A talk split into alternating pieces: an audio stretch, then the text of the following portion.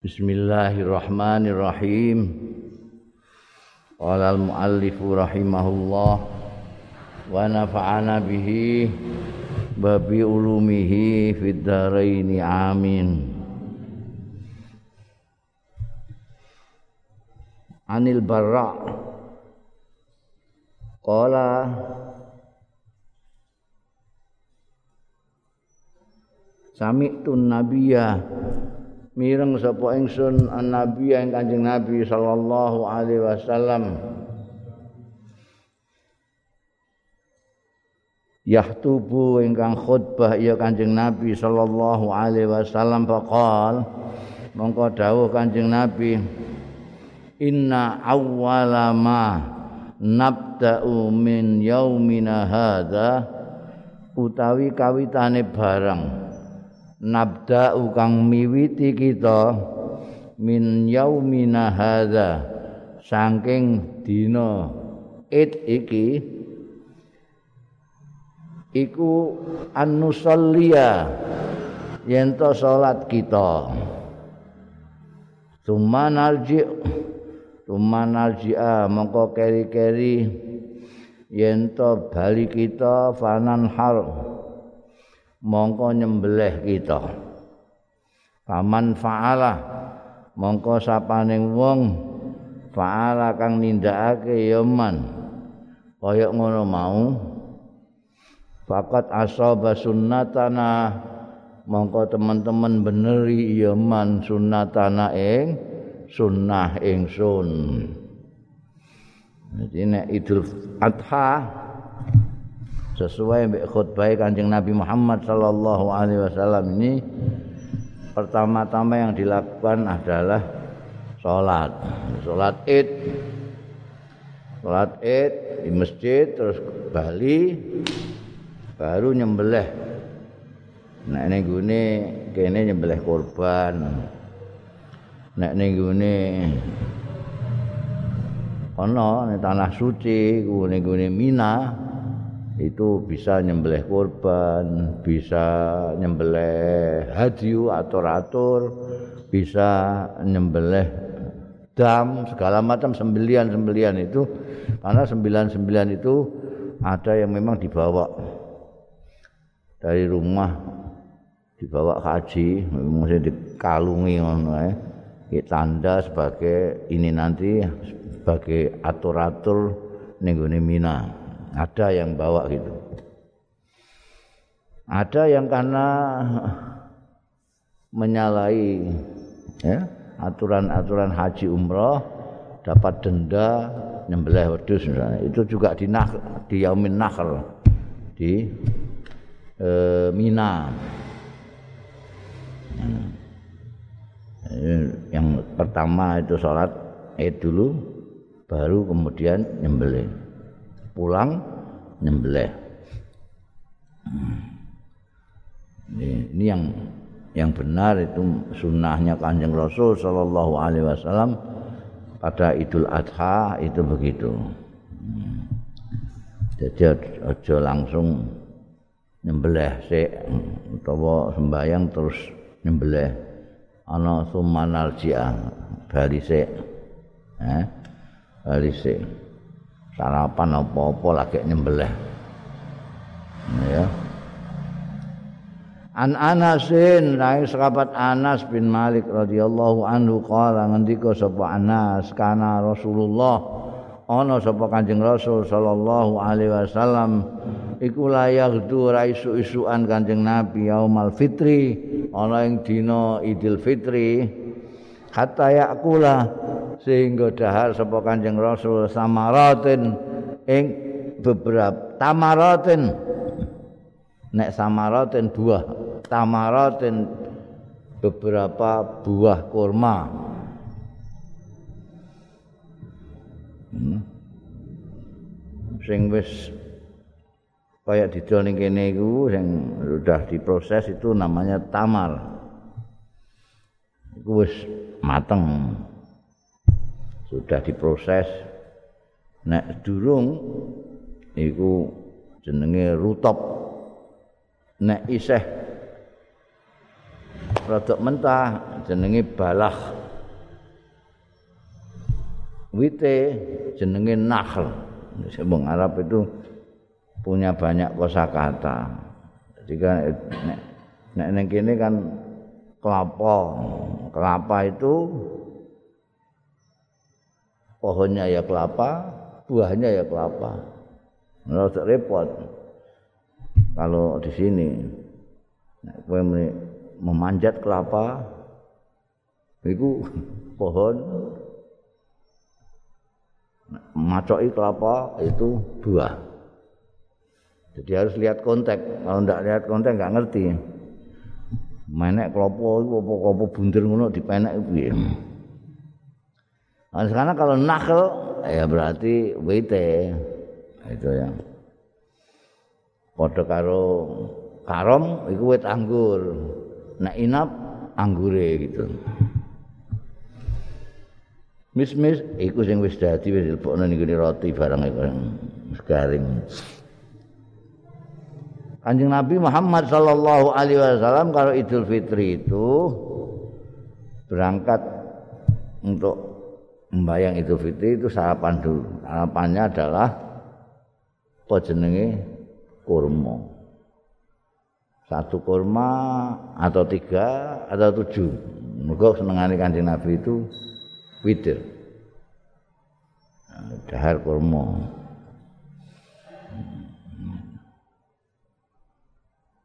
Mulane Kanjeng Nabi nek dahar hanya pakai ini.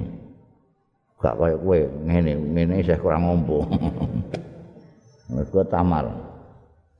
Wa anhu lan saking sahabat Anas bin Malik anin Nabi sang Kanjeng Nabi sallallahu alaihi wasallam Maya uluhunna witran lho iki terus nan dahar sapa Kanjeng Nabi ing tamarat witran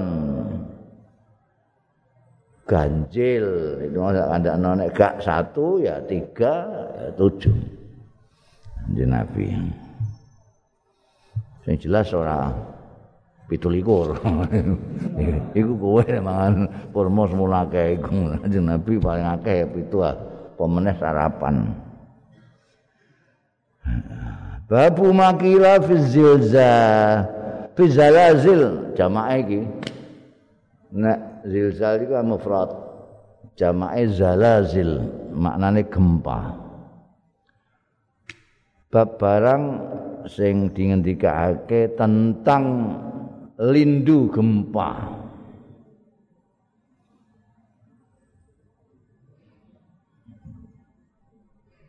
Gempa bumi itu bisa karena lempengan bumi itu ada yang bergerak ada yang karena gunung meletus sampai dulu.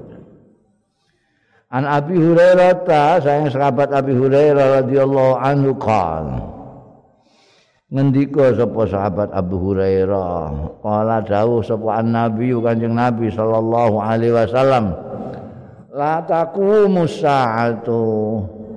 Ora jumeneng apa saatu kiamat hatta yuk badal ilmu.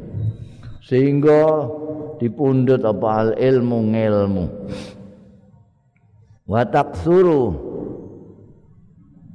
lan akeh taksura aja taksuru melok. Yuk mau. Hatta yuk wa taksura lan akeh apa azzalazilu. Gempa-gempa wa taqaraba lan dadi mengkerut mendekat apa az-zamanu zaman. Wa tadhara lan cetha jelas ngedeng apa alfitanu pira-pira fitnah. Wa yaksura lan akeh apa al haraju pembunuhan. Wa huwa al qatl hatta yaksura. Sehingga akeh fikum ing dalem sira kabeh apa almalu bondo. Fayafidu mongko leloberan ya mal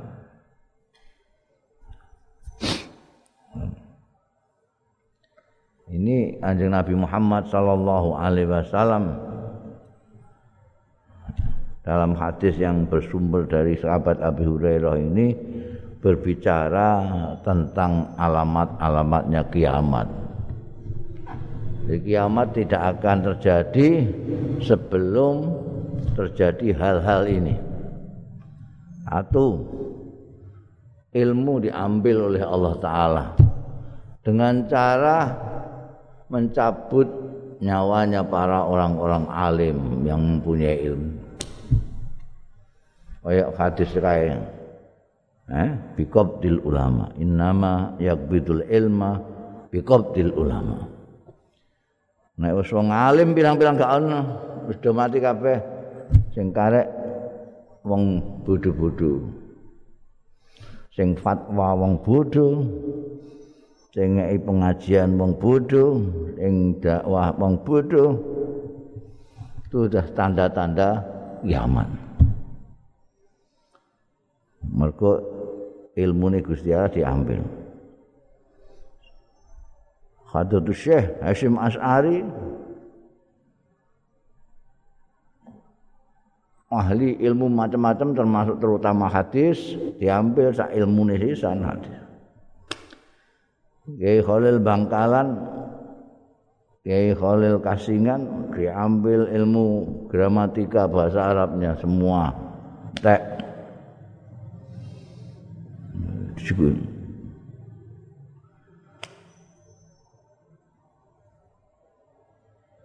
Ilmu entek mergo ulamae entek.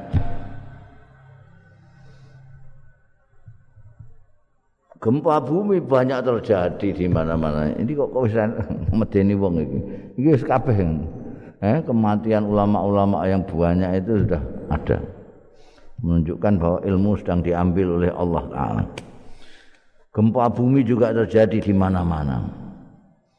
Bukan hanya di Meksiko, di Iran, di Jepang, tapi juga di Indonesia, Indonesia, Jogja, nih Aceh, Cilacap, gempa. Wa yataqarabaz zaman.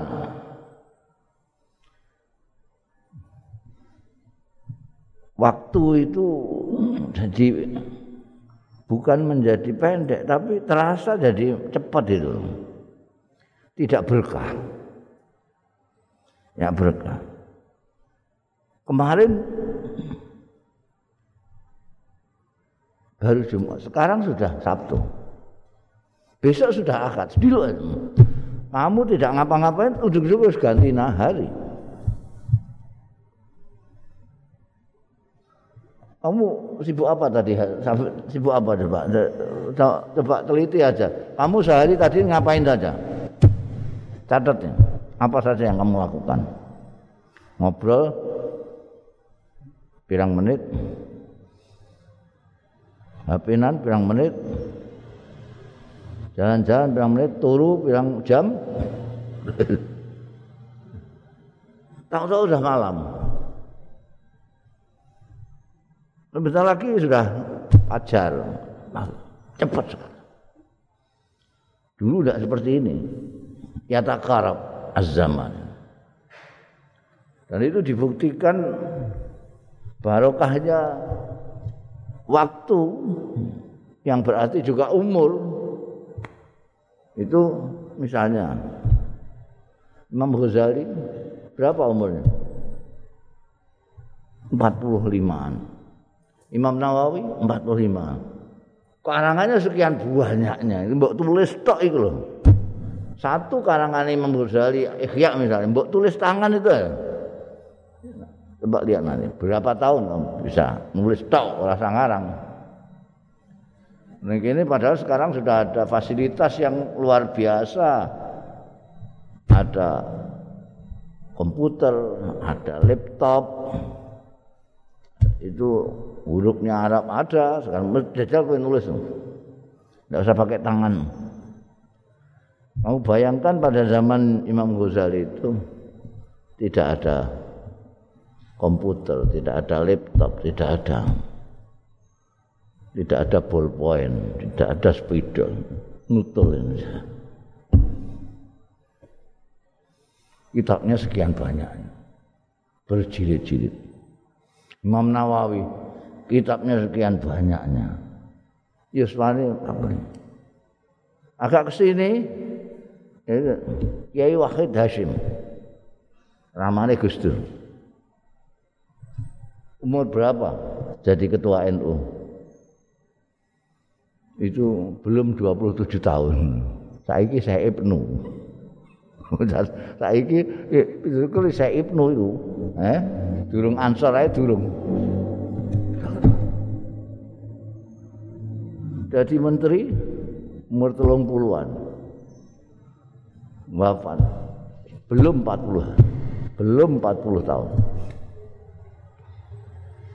Berkah berkah ilmu. Ini saiki wis swidak 80 diseheran apa-apa. Batal halal fitan. Muncul fitnah-fitnah. Was. Wayak sural harat. Enak kabeh saiki wis enak kabeh. Medeni wong. Iku cedak kiamat itu. Fitnah-fitnah di mana-mana. Kehancuran Syria gara-gara fitnah. Perang yang terjadi di Irak, Libya, Yaman karena fitnah. Di sini fitnah-fitnah juga sudah menggejala. Hmm. Talharul fitan kamu.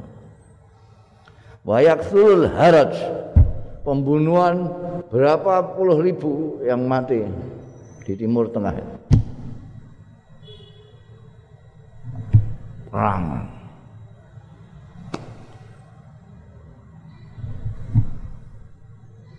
Jadi seperti seolah-olah perang itu memang dibikin manusia itu. Soalnya ada pabrik senjata senjata pembunuh itu ada pabriknya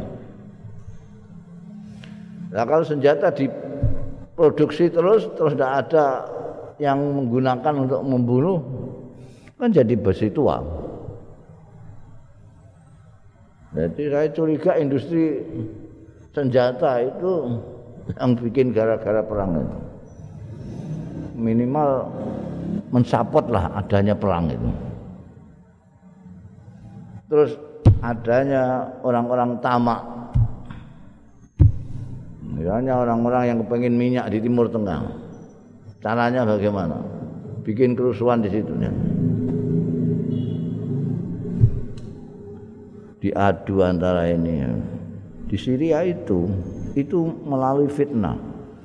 Jadi nguju-nguji orang yang tidak suka Syiah dengan cara memfitnah orang-orang di Syria bahwa presidennya itu Syiah. Padahal penasihatnya itu tidak kurang dari Syekh Buti, Ramadan Buti, ulama ahli sunnah abad ini. Ada Syekh Hasun, itu juga ahli sunnah wa jamaah. Tapi begitu hebatnya fitnah itu, sampai orang tidak menganggap itu semua. Sampai akhirnya Syekh Ramadan Buti dibunuh juga. Nalika mulang ini. Haraj. Lalu terjadi perang. Orang-orang yang benci kepada Syiah perang dengan di Syria itu Syria. Terus orang bikin yang nama ISIS. Orang mencurigai Amerika yang bikin. Itu ya juga masuk akal karena dia tidak kepentingan Amerika nggak pernah perang cuma kasih senjata saja nggak pernah perang. Kalau perang mesti kalah. Di Vietnam ya kalah, di Afghanistan kalah, perang kalah terus. Jadi mau nyapot dengan senjata-senjata. Mayaknya senjata nih. Hmm. Haraj ini. Wahwal kata. Nanti ini baru dirasakan kalau kemudian harta menjadi berlimpah-limpah. Karena banyak yang mati, orang banyak yang mati. Apa-apa. Bondo kono meh ngentekno ora entek-entek pun. Berlimpah-limpah. Nek ndelok ini wis kabeh. Yuk badal ilmu sudah. Naksurul zilzal zalazil sudah. Yatakarabuz zaman. Coba rasakan sendiri kamu berbuat apa satu hari ini. Sudah beralih dengan hari yang lain. Nek kowe gak tahu nyateti apa apa yang kamu lakukan sehari-hari ya gak merasakan takarubuz zaman ndak ada ya ndak. Mangsamu ya sengene iki pancen zaman itu. Ndak. Dari kemarin tahun 70-an sudah beda nah, 70-an. Dengan 80-an. 80-an dengan ini milenium ini 2000-an sudah beda. Beda banget.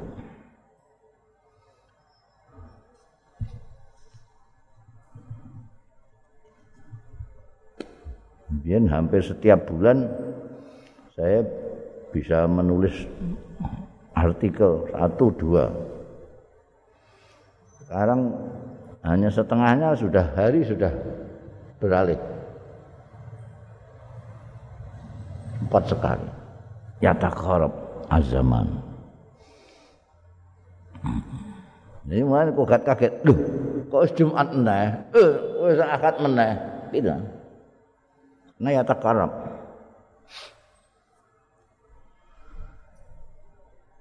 Nah terus piye? Ya wis ngono kuwi. Tanda-tanda kiamat. Babu khamsun la ya'lamuhunna illallah. Bab lima hal sing ora ngawruhi ing lima sapa illallahu kejaba Gusti Allah taala. Hanya ada lima yang diket, diketahui hanya oleh Allah Subhanahu wa taala. An Ibni Umar saking sahabat Abdullah bin Umar radhiyallahu anhuma. Anhuma mesti nek anhu tambahi ma. Sebab itu Ibnu Umar itu sahabat, Umarnya juga sahabat. Jadi kedua-duanya kita doakan. Qala dawuh sapa Rasulullah sallallahu alaihi wasallam miftahul ghaibi khamsun. Kunci gaib, kunci kegaiban yang tidak diketahui orang. Iku khamsun ana lima.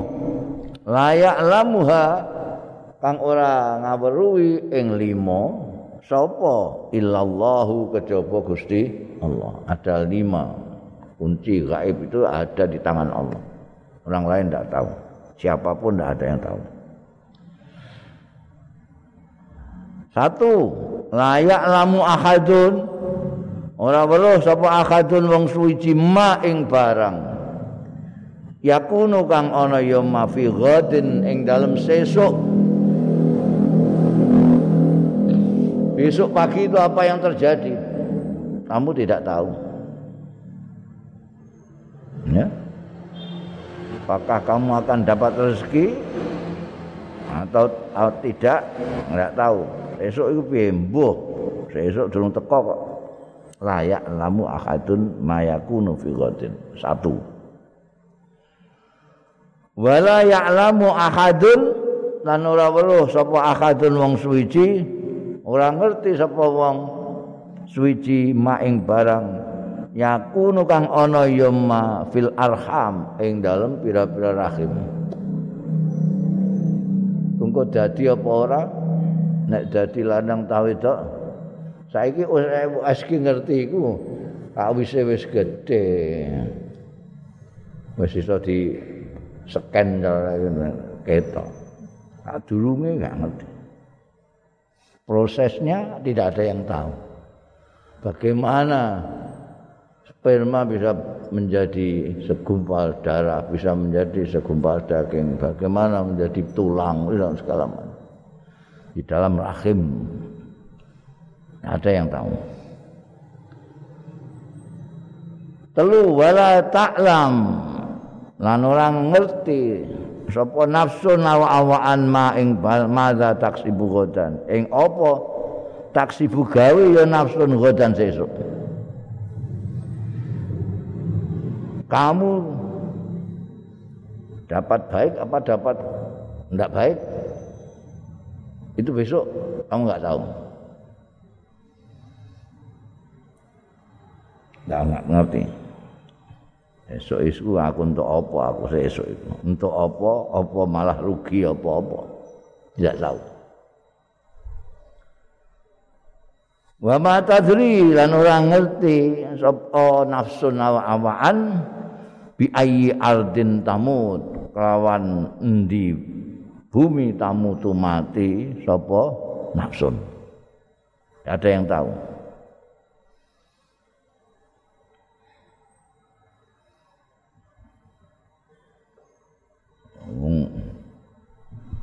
gak ngerti catetane, gak ngerti catetane ngono. Ana cerita lucu iku ya. Nalika Nabi Sulaiman itu ngadakan pesta, ada datang banyak orang yang tanya kepada Nabi Sulaiman, itu siapa itu Nabi Sulaiman? Yang mana? Itu loh. Kenapa? Itu dari tadi ngingeti saya. Saya dipendol gitu, ya. wedi aku. Apa? Duh. Sampai tidak tahu. Tidak tahu. Kalau tahu kan saya tidak tanya. Yang namanya Israel ya itu. Eh? Lah kok saya terus yang dipendel ini muatek aku. Terus anu sampai nyuruh angin apa setan apa jin itu saya turun dilarikan ke puncak gunung Turisina apa mana pokoknya. Medeni matanya aja gitu. Terus disilai angin pembean selama serangan digawa nih puncak. Gunung itu. Tekan kono. Israel sing nggone kono sing ngenteni. Kowe tak enteni kok isih ning kono mau tak golek. Iki wis detikan kok kowe isih ning kono melok pesan Nabi Sulaiman. Padahal catetane ning kene iki kowe matimu.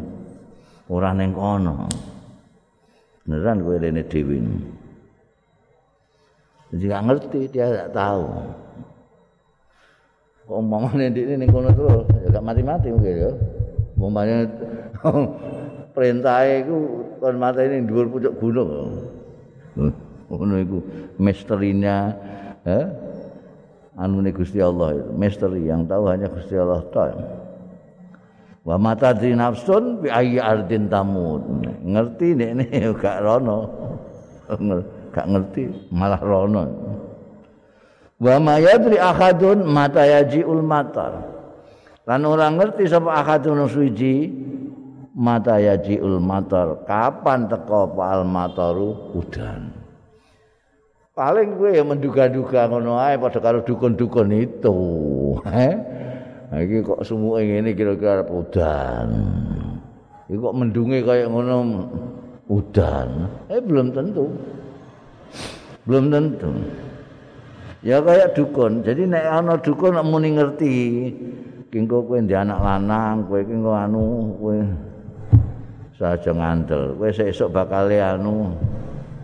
Iku ya padha karo kowe iki kok sumuke ngene arep udan iku. Dadi kowe dhewe iso ora usah dukun ora usah merdukun nek mok ngira-kira kowe iso Kula niki kira-kira sepundi nasibe sae napa mboten. Kira-kira dhewe ra wis. Nah kok dukun-dukun yo ngawur juga. Hmm, sing lima ini pokoknya itu yang tahu hanya Gusti Allah Taala.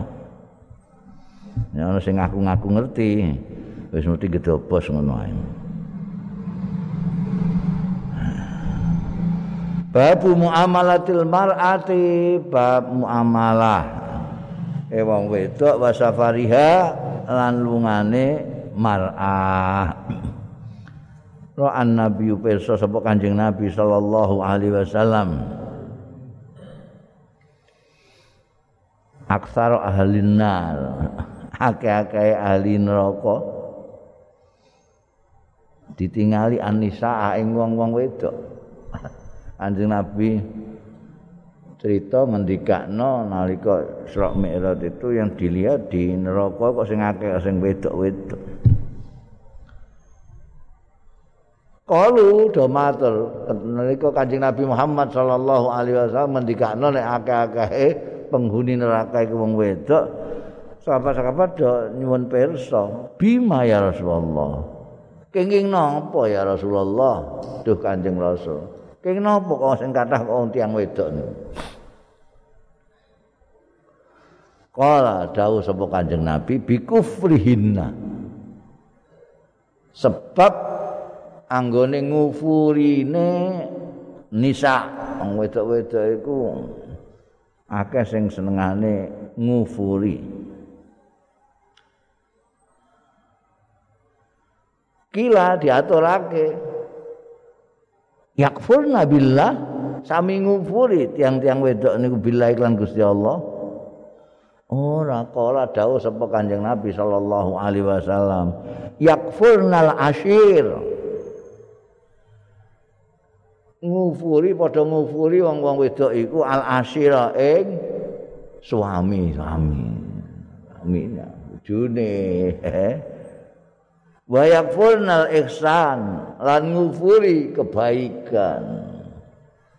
Ngufuri.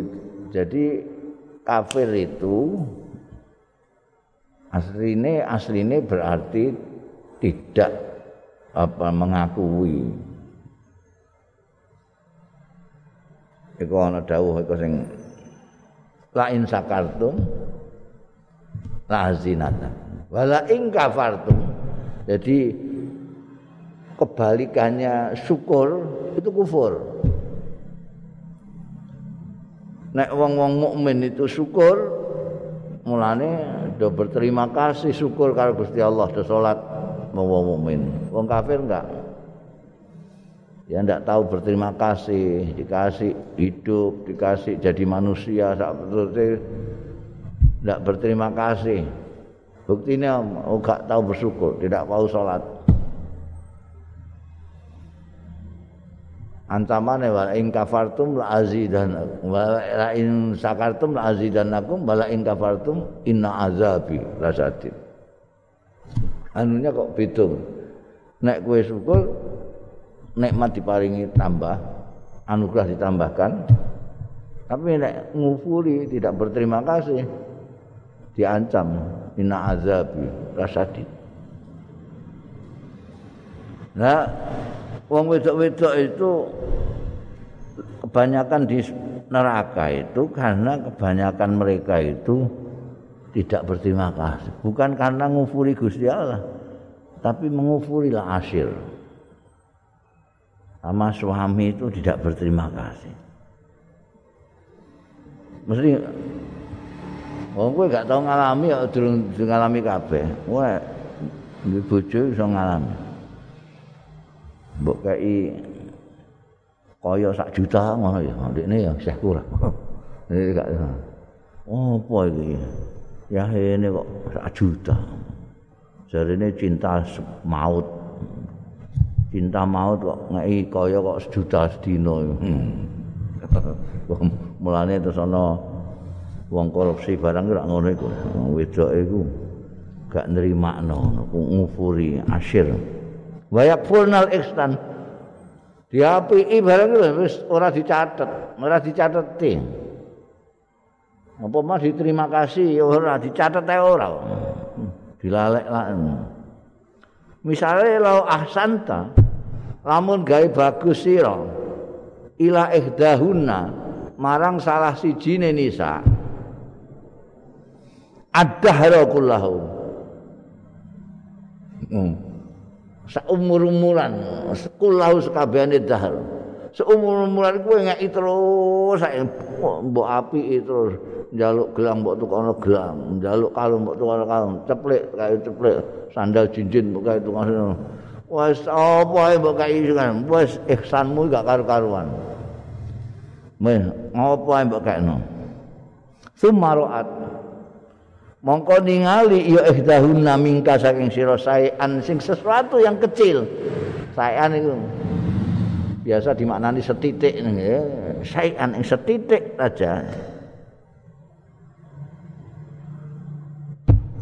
Yahono Yahene iku Yahono Yahene itu. Sepanjang dahar itu. Sepanjang dahar kulu. Yahono Yahene itu. Kamu api bojomu itu setengah mati. Mbok api kayamu mbok kena kabeh iki.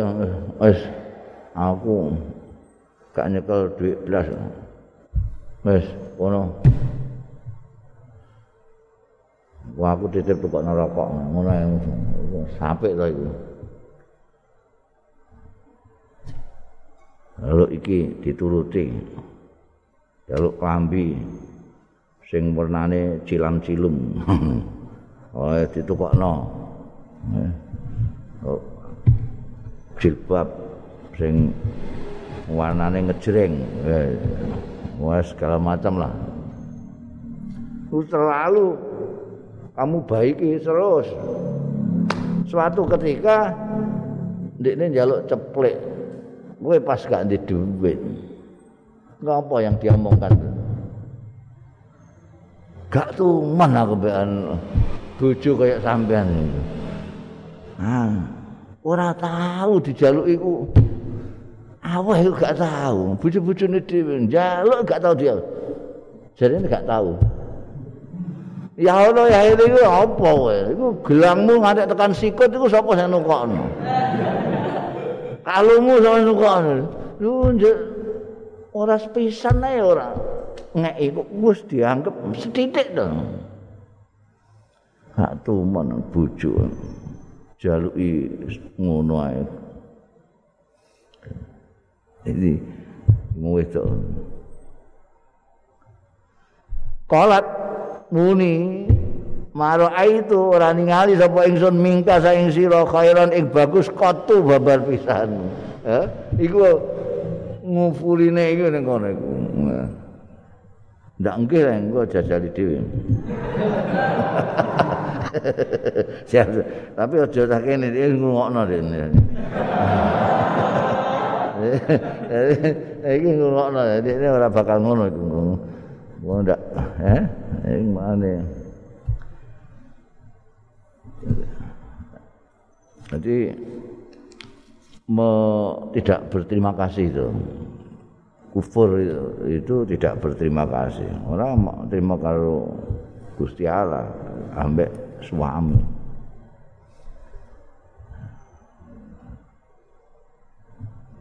Tidak hanya ambek suami, ambekan dulu-dulu paling yang ngono model ini memang model jadi nek ndikne buta banget terserah kasih itu kebaikan-kebaikan yang selama ini ditiadakan semua gitu. Mereka gak dicatetin nek dicatetin nek gak ketok. Sing ora dituruti mau sitok-tok iki. Hmm. nek njaluk apa?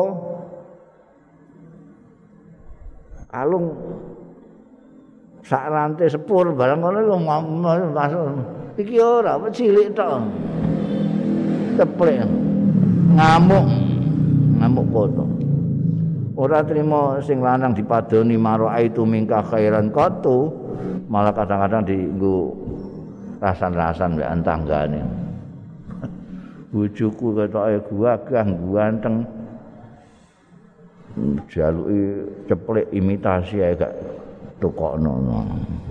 Omong-omong napa kuwi makna sen-sen neraka luwih akeh wong wedok. Ana dadi engko aja kaget kowe. An Abi Hurairah ta, sayang sahabat Abi Hurairah radhiyallahu anhu qala Mane golek bojo iku ya sing ngaji eh sing ngaji sing ngerti. Sing ngerti ngene iki terus ora bakal kowe eh itu itu ngerti hadis barang ini eh engko aku termasuk sing neraka kapok aku.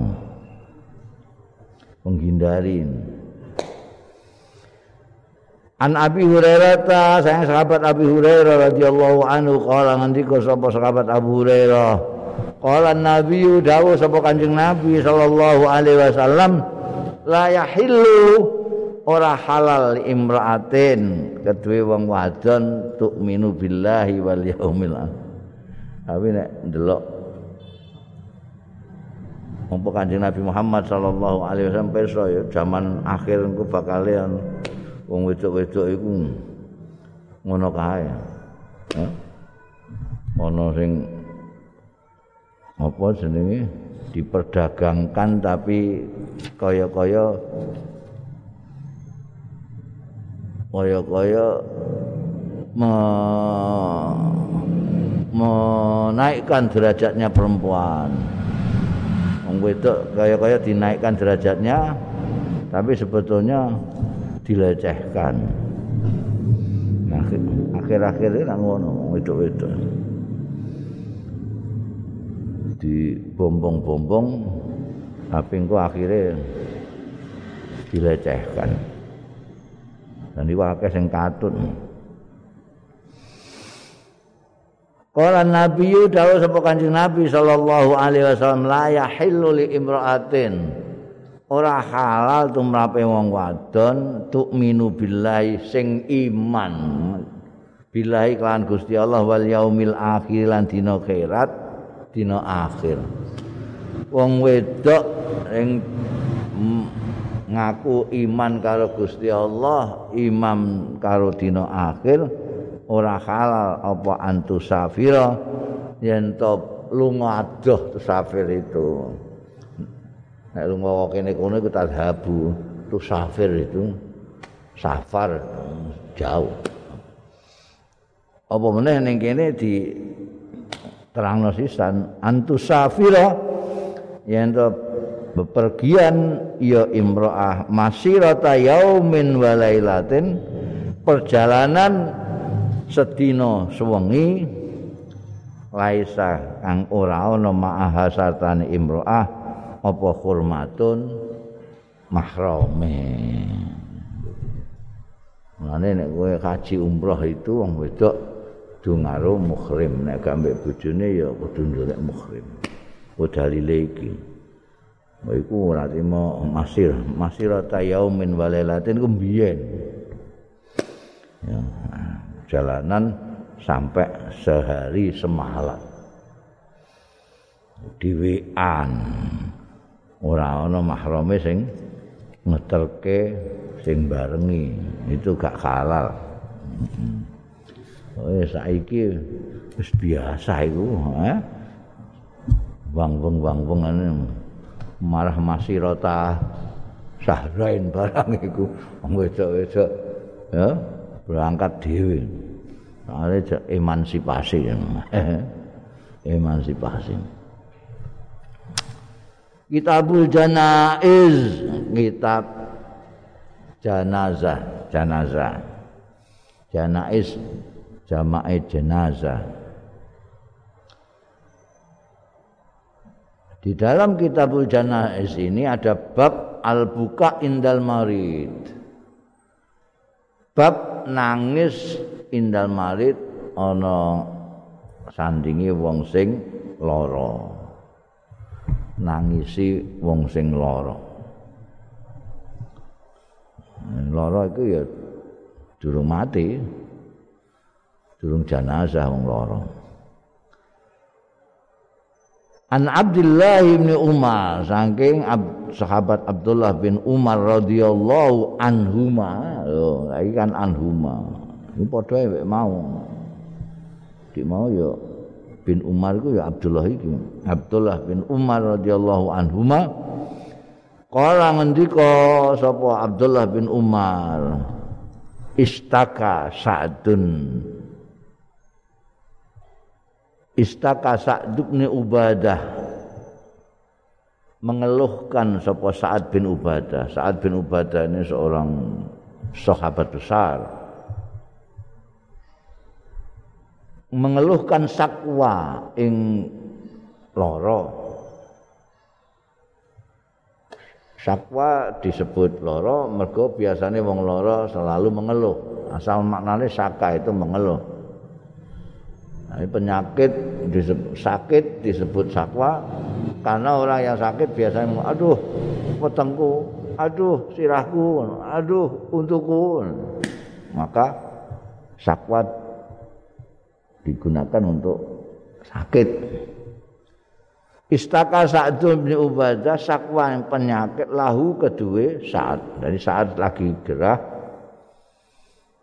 fa'atahun Nabi mongko ngrawuhi ing Sa'ad bin Ubadah sapa Nabi Kanjeng Nabi sallallahu alaihi wasallam yauduhu nilii sapa Kanjeng Nabi sallallahu alaihi wasallam hu ing Sa'ad bin Ubadah.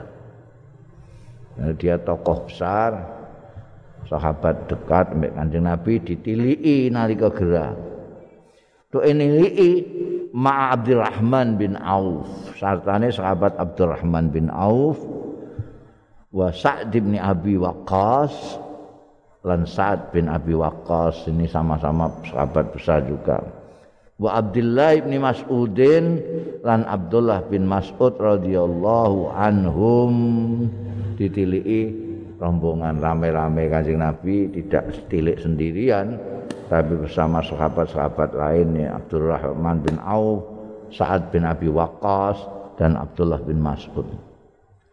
Falamma dakhala alaihi barang mlebet ya Kanjeng Nabi sallallahu alaihi wasallam alaihi ing atase Sa'ad bin Ubadah. Fawajadahu mongko nemu sapa Kanjeng Nabi sallallahu alaihi wasallam hu ing Sa'ad bin Ubadah fi ghasyati ahlihi ing dalem kriungane. Apa kriungan itu keriungane keluargane. Jadi ini yang gerah itu saat di sini terus orang itu udah ngerubungi, ngeriungi itu ngerubungi. Fi ghasyati ahli ing dalam rubungane. Kerubungane keluargane. Kok dikerubungi wong akeh. Kanjeng Nabi besok dikerubungi ngono faqala. Mongko dawuh sapa Kanjeng Rasul alaihi salatu wasalam akad kudo? Akad kudo lho ana apa teman-teman wis kapundhut? Maksudnya kok dirubung-rubung itu perkiraan kanjeng Nabi menduga kalau itu sudah wafat. Akad kalau do matur ya ahlihi. La ya Rasulullah dereng. Boten ya Rasulullah Fabaka mongko mun sapa annabi Kanjeng Nabi sallallahu alaihi wasallam. Saat bin Ubadah koyo ngono gagahe saiki gerah ndak berdaya seperti orang sudah wafat itu Kanjeng Nabi muwun. Falamma al qaumu bareng ningali sapa al qaumu kaum bukaan nabi ing muwune muwun iku nangis dong muwune Kanjeng Nabi sallallahu alaihi wasallam bakal do padha melok nangis ya wong-wong. Wong-wong itu do pirsa Kanjeng Nabi Muhammad sallallahu alaihi wasallam mun melok nangis kabeh.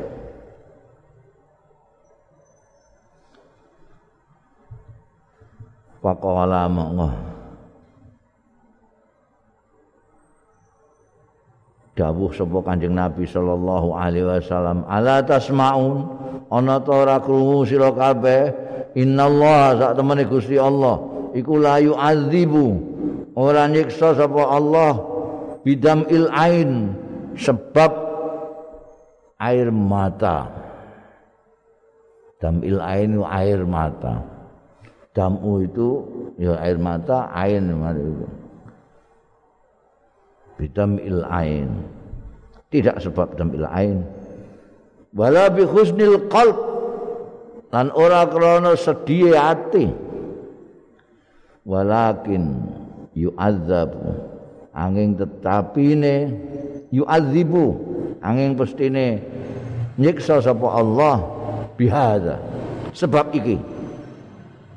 Sebab iki wa asara lan paring isyarat sapa Kanjeng Nabi sallallahu alaihi wasallam ila lisanihi marang lisane. Sebab iki. Walakin yu'adzibu bihadza kan iki au yarham utawa ngrahmati wa innal mayyit asune mayyit yu'adzabu disiksa ya mayyit bibukai ahlihi alaihi sebab tangisane keluargane alaihi ing atase mayyit wa kana Umar ana sapa sahabat Umar radhiyallahu anhu? Iku yadribu mukul sapa sahabat Umar. Fihi ing dalem perkara nangise ahline nek kepaten bil asa kelawan tongkate. Tongkat. Eh. Hmm. wayarmi lan melempar sapa sahabat Umar bil hijarati kelawan watu. Hmm. wa yahsi lan jejeli sapa sahabat Umar biturabi kelawan lebu. Nek ana wong nangis cetetelan jadi kanjeng Nabi Muhammad sallallahu alaihi wasallam nalika sak rombongane dengan Abdurrahman bin Auf Sa'ad bin Abi Waqqas Abdullah bin Mas'ud itu tilik Sa'ad bin Ubadah melihat keriungannya keluarga itu menyangka sudah wafat ternyata belum Kanjeng Nabi terus nangis. Liyane nangis itu kan meh kayak guyu gitu jadi menular. Nangis dan nangis apa? Kanjeng Nabi terus ndawuhi wong-wong itu nek nangis itu gak apa-apa. Wong itu nangis, sedih, barang enggak masalah. Gusti Allah itu ora nyiksa gara-gara ada air mata tumpah itu bukan karena hati yang sedih lalu disiksa oleh Gusti Allah hendak oh itu sangat fitri sekali sangat manusiawi sekali orang sedih lalu air matanya keluar kan biasa oh, disiksa apa nah terus Gusti Allah nyiksa atau ngerahmati itu gara-gara ini mulut ini loh yang membuat orang diseksa atau dirahmati oleh Allah itu mulut. Kue nangis sedih, gak apa-apa. Tapi nek kue cetetelan.